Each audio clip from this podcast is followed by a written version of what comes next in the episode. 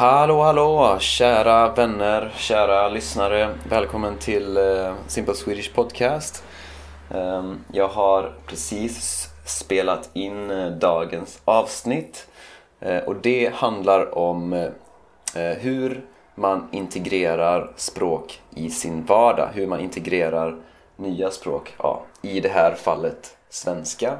Hur man integrerar det i sin vardag för att det är väldigt viktigt. Speciellt när man har passerat nybörjarstadiet. Ehm, och jag sitter här och ehm, väntar på att min flickvän ska komma tillbaka för att hon, har, hon, hon är just nu och hämtar sina föräldrar på flygplatsen. Så eh, hennes föräldrar de, eh, de ska komma och besöka oss här i Valencia nu. Så det är första gången eh, de kommer hit så det blir kul såklart. Ehm, ja, jag ska inte säga så mycket mer om om du vill eh, läsa den här artikeln som jag har skrivit för idag då kan du bli Patreon. Eh, gå i så fall in på min hemsida swedishlinguist.com Tryck på podcast och hitta det här avsnittet. Ehm, och där finns en länk till eh, min Patreon-sida. Så ja, men då tar vi och lyssnar på avsnittet.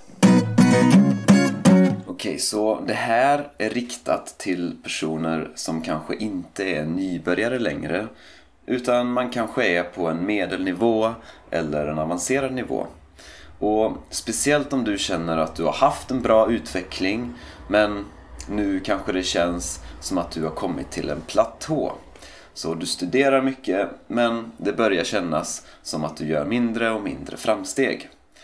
Eh, och då är det dags att verkligen börja integrera språket i din vardag. Så du kan fokusera mindre på läroböcker och grammatik och övningar och andra resurser som är skapade för studenter i språket. Och istället så ska du fokusera på naturligt material. Alltså material som är skapat för svenskar. Och du ska också fokusera på att eh, bli exponerad för språket mer och mer i din vardag. Och det här kan man göra på många olika sätt. Och ju mer och eh, ju fler olika sätt man gör det på, desto bättre. Så fundera lite nu på vad du gör på ditt modersmål eller på andra språk. Kan du göra det på svenska istället? För det finns definitivt många saker som du använder ditt modersmål till just nu men som du skulle kunna använda svenska till istället. Och om du vill ha lite förslag så kommer här en liten lista. Så eh, nummer ett. Poddar, filmer, tv, program, serier, böcker, ljudböcker, tv-spel, Youtube-videor och så vidare. Så gillar du att lyssna på podcast? Gillar du att spela tv-spel eller titta på filmer eller läsa böcker? Så börja gör det mer på svenska.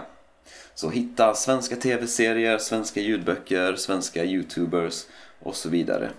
Och tänk på att om det är svårt för dig att följa med i handlingen och eh, du kanske inte förstår eh, exakt vad som händer eller förstår dialogerna. Ja, då kanske du måste börja med någonting lite lättare. Så till exempel för läsning så kan du eh, börja med att läsa en bok som du redan har läst på ditt modersmål. Och för till exempel tv-program och filmer så finns det ganska ofta undertexter. Eh, och för Netflix så finns det en plugin som du kan använda för att eh, aktivera undertexter på flera språk samtidigt. Och så har vi nummer två, musik. Så försök hitta svensk musik som du gillar. Och eh, läs texterna och översätt dem. Och sen är det också jättebra att eh, sjunga med i låtarna. Eh, och det är inte bara kul, det är också jättebra övning för ditt uttal.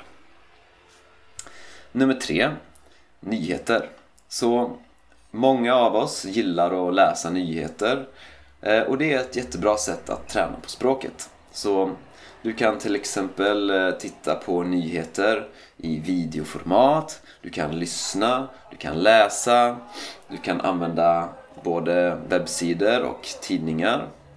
Eh, om du läser nyheter varje dag, ja, då kan det bli en bra rutin för dig att eh, läsa, lyssna eller titta på nyheterna på svenska istället.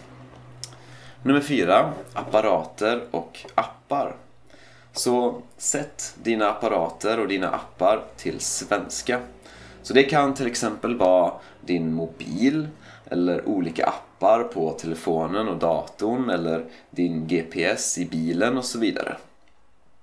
Ja, ibland så kan man såklart behöva byta tillbaka språket eh, om man till exempel behöver hitta en specifik inställning.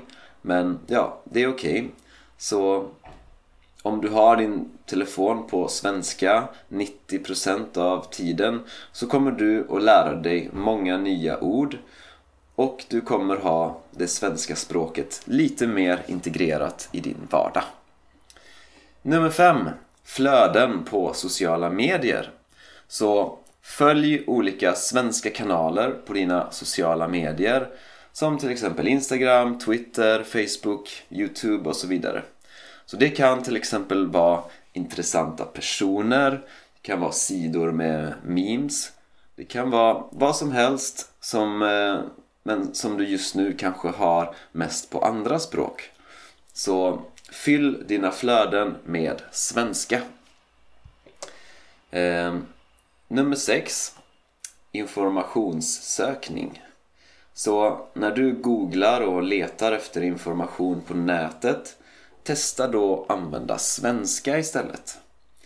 Ja, så det finns såklart inte lika många artiklar på svenska som det finns eh, på till exempel engelska eller spanska. Men det här är ett till exempel på hur du kan integrera svenskan lite mer i din vardag. Eh, och speciellt om du söker efter någonting som är relaterat till Sverige. Eh, nummer sju. Eh, gör dina hobbys på svenska. Så tänk på dina hobbys och dina intressen. Till exempel, gillar du att laga mat? Då kan du hitta nya recept på svenska till exempel. Eller om du gillar att gå till gymmet så kan du läsa om träning och om gym på svenska internetforum eller svenska artiklar. Eller gillar du yoga? Du kan då till exempel kolla på instruktionsvideor eh, på Youtube på svenska. Och så har vi nummer åtta, den sista punkten och det är skaffa svenska vänner. Och det här är kanske den viktigaste punkten. För om man vill lära sig ett språk flytande då behöver man en social kontext. Så till exempel om du jobbar på en svensk arbetsplats eh, då kan du be dina kollegor att eh, prata svenska med dig på lunchrasten. Eh, eller om du har svenska vänner eller en svensk partner så kan ni börja prata mer svenska med varandra. Och ja, det kan såklart kännas konstigt att prata på ett annat språk med sin partner eller eh, med sina vänner. Liksom att man pratar på ett annat språk än eh, vad man är van vid. Och eh, alla är inte bekväma med det. Men det här kommer hjälpa dig väldigt mycket med din utveckling. Eh, och försök också att hitta nya kontakter som du pratar svenska med från början. För då känns det mycket mer naturligt. Eh, ja, en social kontext. Jag tror att det är antagligen det som kommer göra mest för din utveckling. Så social kontext. Och sen några andra saker att tänka på. Så många av de här tipsen de passar bäst när man har en lite högre nivå. Så om du fortfarande har svårt att förstå den här podden eh, då behöver du antagligen fortsätta eh, lite till med lite enklare resurser. Men om du redan kan ha konversationer på svenska, om du redan kan titta på svenska serier och läsa svenska böcker eh, men du känner att du vill bli bättre snabbare eh, då är definitivt nästa steg att integrera språket så mycket du kan i din vardag. Eh, och tänk också på att om någonting är lätt och bekvämt då är det dags att ta nästa steg och pusha dig själv ut ur din trygghetszon.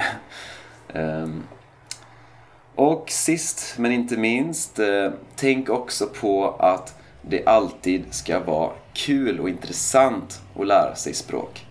Om det känns jätte, jättejobbigt att läsa nyheter på svenska, ja, då kanske det är bättre att vänta lite med det och eh, göra någonting annat på svenska just nu.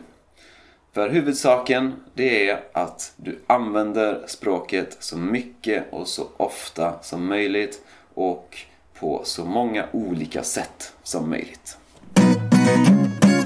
Ja, det var det. Tack för att du har lyssnat.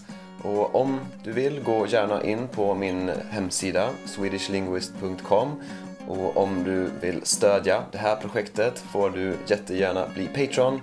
Ehm, ha det gött så hörs vi i nästa avsnitt.